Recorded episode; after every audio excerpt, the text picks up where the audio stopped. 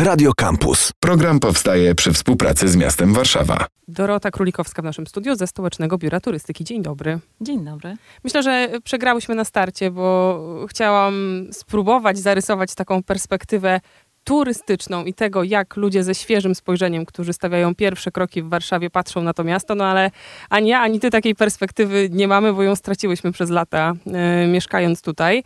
Będziemy dzisiaj e, próbowały zarysować Warszawę jako, i teraz chyba najmodniejsze turystyczne słowo, destynację i nakłonić was do głosowania w pewnym plebiscycie, ale może uda nam się rzeczywiście pomówić też o tym, jak miasto pokazywać tym, którzy na przykład wahają się, czy do Warszawy przyjechać. Czy stolica cierpi na niedobór, czy też nadmiar turystów? Na pewno nie cierpi na nadmiar turystów. W ostatnich e, latach, tych latach pandemii, e, rzeczywiście odczuwaliśmy brak i to było, to było widoczne niemal w każdym miejscu. E, z 10 milionów turystów odwiedzających Warszawę w 2019 roku e, skurczyła się ta liczba do 5 milionów w ubiegłym, a to już był lepszy rok niż e, rok poprzedni, więc rzeczywiście tych turystów było zauważalnie mniej. Odczuła to zwłaszcza branża turystyczna, hotele, restauracje, instytucje kultury. A jak to się stało, że wiesz, ile ich było? E, Prowadzimy badania, są szacunki co roku robione. Publikujemy też taki raport Turystyka w Warszawie, gdzie, gdzie wszystkie te liczby podajemy. Można, można e, zobaczyć, jak wielu turystów odwiedza Warszawę i zagranicznych, i z Polski, z jakich krajów przyjeżdżają do nas i różne inne takie e, ciekawe dane tam się znajdują. Na palcach jednej ręki można policzyć miasta, które nie zapraszają do siebie turystów i na przykład Barcelona jest takim miastem, które mówi wystarczy, mamy was za dużo. W większości jednak y, zależy władzom na tym, żeby, miast, żeby do miast turyści przyjeżdżali. Mm, To jest może trochę dziwne czy banalne pytanie, ale gdzie jest ta siła turystyki? Na pewno w pieniądzu i takim zastrzyku gotówki, który przywożą wszyscy odwiedzający, ale co jeszcze? To na pewno mm, pieniądze, czyli ten dochód e, z turystyki jest e, dla takich miast, takich destynacji typowo turystycznych bardzo ważnym elementem budżetu miasta. W Warszawie to tak nie wygląda, chociaż te pieniądze z turystyki od turystów e, też e, stanowią taki dosyć e, istotny element i są wymierną korzyścią dla miasta. My patrzymy na to trochę inaczej, bo teraz bardzo dużo się mówi o zrównoważonym rozwoju, więc i ta turystyka powinna być, być rozwijana w taki sposób zrównoważo- zrównoważony. Przyglądamy się temu też, jak mieszkańcy postrzegają turystów i ponad 90% mieszkańców Warszawy chętnie widzi tutaj turystów i widzi taki pozytywny wpływ mm, turystów na ich włas- własne życie, więc e, to jest taki wymierny, wymierny bardzo mm, czynnik, który nam pokazuje, że tych turystów chcemy ciągle zapraszać. Dobrze by było ich widzieć tutaj w Warszawie. A czy w badaniach wychodzi też skąd najczęściej przyjeżdżają i gdzie w Warszawie kierują swoje kroki? Czy rzeczywiście e, kuszą się na te wszystkie must-seeny typu Łazienki, Zamek Królewski, czy jakieś inne miejsca też są dla nich ciekawe? Tak, oczywiście mamy te informacje, są one dla nas bardzo ważne. Najczęściej przyjeżdżają tutaj do nas turyści krajowi. E, I to jest e, taka przeważająca grupa. Wśród turystów zagranicznych najczęściej nas odwiedzają i tutaj to się zmieniają troszkę te miejsca, ale e, są to turyści z Niemiec, ze Stanów Zjednoczonych, e, z Wielkiej Brytanii, głównie miasta, głównie kraje europejskie plus właśnie te, te Stany Zjednoczone. I gdzie idą w Warszawie? Tradycyjnie na Stare Miasto turyści zarówno krajowi, jak i zagraniczni wskazują mm, to miejsce jako takie najważniejsze, jako najważniejszą atrakcję dla nich. Poza tym Łazienki Królewskie, Centrum Nauki Kopernik, Muzeum Powstania Warszawskiego, Muzeum Historii Żydów Polskich, e, Polin. To są te takie tradycyjne miejsca, które turyści odwiedzają, te największe atrakcje. My staramy się oczywiście pokazywać e, tak, także miejsca spoza top ten, pokazywać jak Warszawa jest różnorodna, jak ciekawa jest, że, że nie warto zatrzymywać się tylko w tych miejscach takich naj, największych, tych największych atrakcjach, ale mm, pokazujemy również to poprzez stronę internetową, po, poprzez media społecznościowe jak, jak wiele ciekawych innych również miejsc jest do odkrycia w Warszawie, takich może nawet nieoczywistych. Gościłam w audycji kilku autorów, autorek rozmaitych alternatywnych przewodników po, którzy sugerują, żeby jednak z tego traktu królewskiego może trochę odbić choćby na drugą stronę Wisły albo nad samą rzekę i zobaczyć, jak y, wygląda. A czym y, oficjalne profile, choćby Go to Warsaw, y, jakby kuszą, zachęcają? Jakie miejsca w Warszawie pokazujecie? Mamy oczywiście klasykę. Jeżeli ktoś przyjeżdża tylko na jeden dzień i nie ma więcej czasu na to, żeby, żeby poznać miasto, to na naszej stronie znajdzie oczywiście opisy tych najważniejszych atrakcji. Natomiast e, dla tych wszystkich, którzy mają troszkę więcej czasu albo po prostu lubią e, iść poza utartym szlakiem, mamy przygotowano, e, przygotowaną całą listę takich miejsc, które są warte odwiedzenia, nawet czasami przy okazji, bo mm, tak jak mówiłaś, z krakowskiego przedmieścia wystarczy trochę zboczyć i już gdzieś w ciekawe miejsca zaglądamy. Tak samo w centrum jesteśmy Pałacu Kultury na 30. Ten punkt widokowy jest ciągle takim waż, taką ważną atrakcją na, na mapie Warszawy. Wystarczy zejść kawałek dalej i znajdujemy się w fotoplastikоnie. Takim miejscu nieoczywistym, o którym nawet nie wszyscy warszawiacy wiedzą, że istnieje. A jest to mm, bardzo duża atrakcja, ciekawa i nigdy nie jest zatłoczona. A na przykład takie hasło jak y, najlepsze miasto, jeśli chodzi o kuchnię wegańską, to też działa. Dużo jest takich nowych wabików na Warszawę. To jest coraz więcej, coraz więcej e, zauważamy osób, które wiedzą o tym, że Warszawa jest takim rajem dla wegan. E, co roku e, bardzo opiniotwórczy mm, blog Happy Cow publikuje ranking najbardziej przyjaznych e, miast e, dla weganów. I Warszawa już od, e, no, od dobrych kilku lat jest zawsze w pierwszej dziesiątce. Zazwyczaj w pierwszej piątce właśnie tych miejsc przyjaznych weganom. Mamy bardzo dużo restauracji i takich mniejszych knajpek, które oferują menu wegańskie, są wegańskie, ale ja też widzę, że coraz więcej restauracji w swojej karcie ma dania albo wegetariańskie, albo wręcz wegańskie. Nawet menu lunchowe, które jest dostępne od poniedziałku do piątku, bardzo często ma też opcję dla mm, wegetarian. Sama nią jestem, więc um, zwracam na to uwagę. Jaki to jest um, progres, czy w ogóle różnica względem tej kuchni polskiej, którą się kiedyś kusiło i podejrzewam, że ona nadal jest potrzebna i też znacząca, dużo mówiąca o nas jako o kraju. Dorota Królikowska ze Stołecznego Biura Turystyki gości dzisiaj w stacji Warszawa. Chcę jeszcze wrócić do waszych planów, bo mówiłaś, powiedziałaś Warszawa na jeden dzień, klasyki, a Warszawa na trzy dni. Jak jeszcze opowiadacie to miasto przyjezdnym? Mamy nawet na stronie internetowej e, w zakładce e, trzy dni w Warszawie i tam mamy te atrakcje podzielone, rozdzielone na trzy dni, e, tak żeby można było je oglądać i zwiedzać w takim trochę wolniejszym tempie. Są tam też takie mm, atrakcje, które może nie od razu przychodzą na myśl turyście, który, który, który przyjeżdża do nas po raz pierwszy, jak na przykład Muzeum Warszawy, które mieści się w, na samym rynku, w świetnej lokalizacji i ma do, bardzo ciekawe wystawy, które można, e, z którymi można się zapoznać. E, oczywiście zachęcamy mm, przyjezdnych w okresie letnim do tego, żeby spędzali czas nad Wisłą. Ten prawy brzeg Wisły, który jest naturalny, ciągle dziki, jest ewenementem na skalę europejską. Jesteśmy jedyną stolicą w Europie, e, która ma Wisłę, która ma rzekę naturalnie ukształtowaną i jak do nas przyjeżdżają ornitolodzy z E, różnych zakątków świata, żeby właśnie te siedliska ptaków obserwować. I to jest, e, to jest e, no, moim zdaniem fenomenalne. Pokazujemy także ludziom takie miejsca zupełnie ukryte.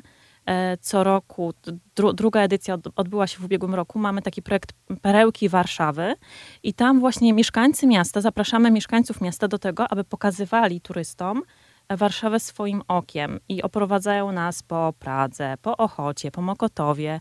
Pokazują takie miejsca zupełnie nieoczywiste, ale dla wielu coraz więcej widzimy e, osób, które e, szukają właśnie takich ukrytych perełek i my chcemy je pokazywać. A trzeba o turystach myśleć na przykład w kategoriach wiekowych? Myślę sobie, że dzieci na przykład są szczególną grupą, która potrzebuje zupełnie czegoś innego na wyjazdach.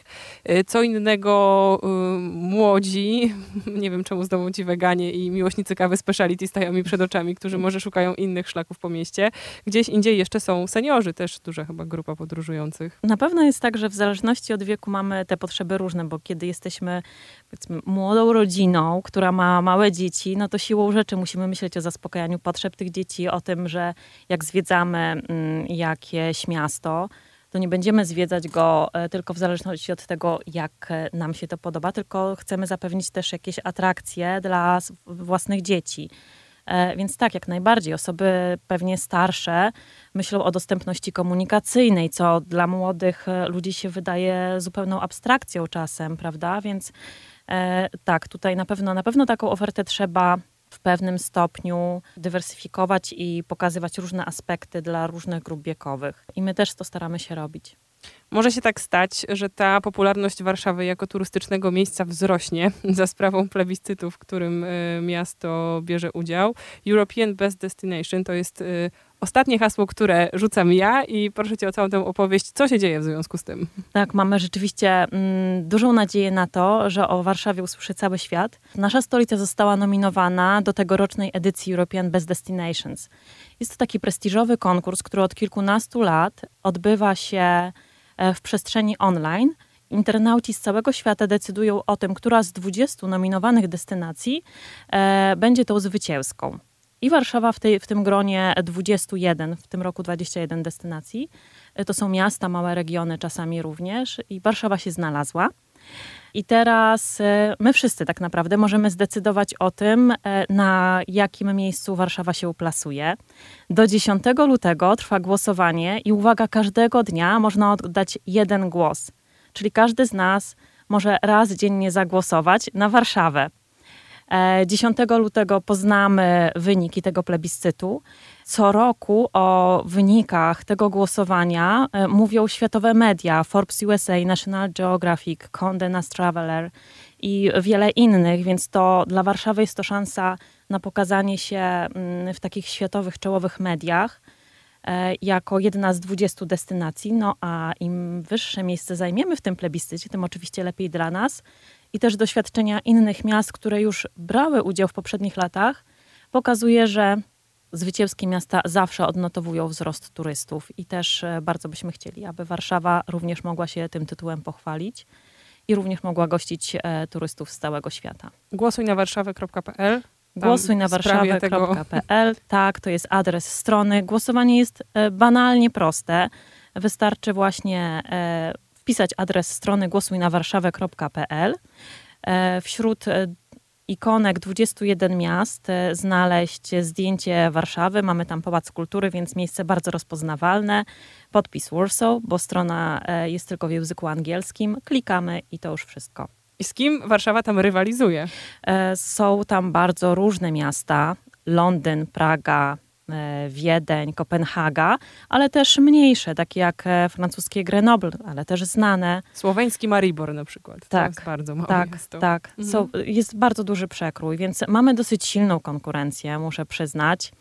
No ale staramy się, jesteśmy ambitni. No i wnioskuję z twojej wypowiedzi, że miasto jest gotowe. Gdyby się nagle okazało, że 20 milionów turystów po wygranym plebiscycie zjeżdża do Warszawy, nic się nie korkuje, wszystko działa, każdy znajdzie dla siebie nocleg i jeszcze wejdzie do muzeum.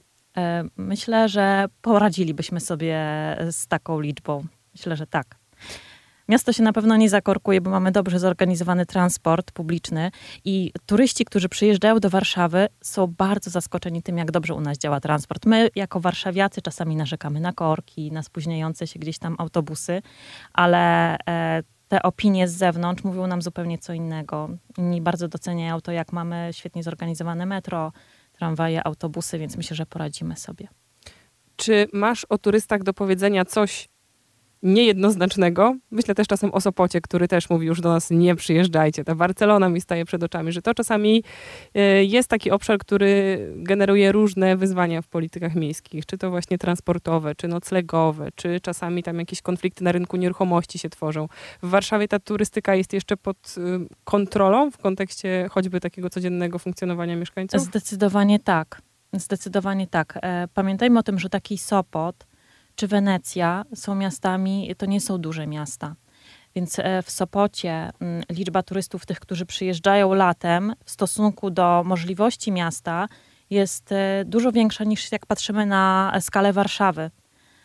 U nas to jest 1,8 miliona mieszkańców. Miasto jest duże, rozległe, więc te 5 milionów rocznie, tak jak teraz mamy, czy nawet 10 milionów przed pandemią, e, to nie są, e, to nie są takie e, ilości, które by tutaj nam w jakiś sposób przeszkadzały.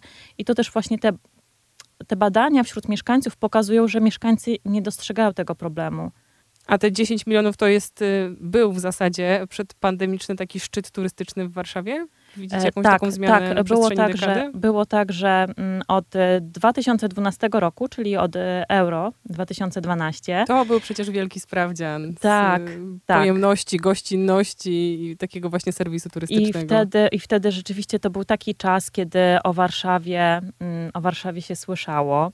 I później widzieliśmy ten napływ turystów i z roku na rok te liczby się zwiększały, miały tendencję wzrostową. No i ten 2019 był niestety tym rokiem pandemii, ubiegły rok, e, rok inwazji e, Rosji na Ukrainę też e, wpłynął negatywnie na turystykę, niestety. Zobaczymy, co się wydarzy y, po plebiscycie, jak w Warszawie pójdzie. Do 10 lutego, o tym wspominałyśmy. Głosuj na warszawy.pl, ja jeszcze raz podrzucam adres, ale bardzo mnie ciekawią badania, na które się powoływałaś. Jeśli ktoś chce sprawdzić, kto do Warszawy przyjeżdża, skąd i co tam robi, to czy to jest wiedza powszechnie dostępna? Jeśli tak, to gdzie ją znaleźć? Na naszym oficjalnym profilu turystycznym go.warsaw.pl są takie materiały do pobrania, jak właśnie raport turystyka i badania opinii y, turystów, więc można, można z nimi się zapoznać. Na stronie również, e, tak jak już mówiłam, piszemy o głównych atrakcjach Warszawy, ale też takich e, mniej oczywistych atrakcjach, więc myślę, że nawet jeżeli ktoś mieszka w Warszawie, to na pewno coś takiego ciekawego na tej stronie znajdzie. Zapraszam serdecznie. Również do śledzenia naszych mediów społecznościowych, profil Go to Warsaw na Facebooku, na Instagramie, na Twitterze, e, na TikToku również. Przede wszystkim zapraszam do głosowania. Do 10 lutego głosujmy na Warszawę. Głosuj na warszawę.pl. Dorota Królikowska, Stołeczne Biuro Turystyki. Dziękuję. Serdecznie dziękuję. Program powstaje przy współpracy z miastem Warszawa. Radio Campus.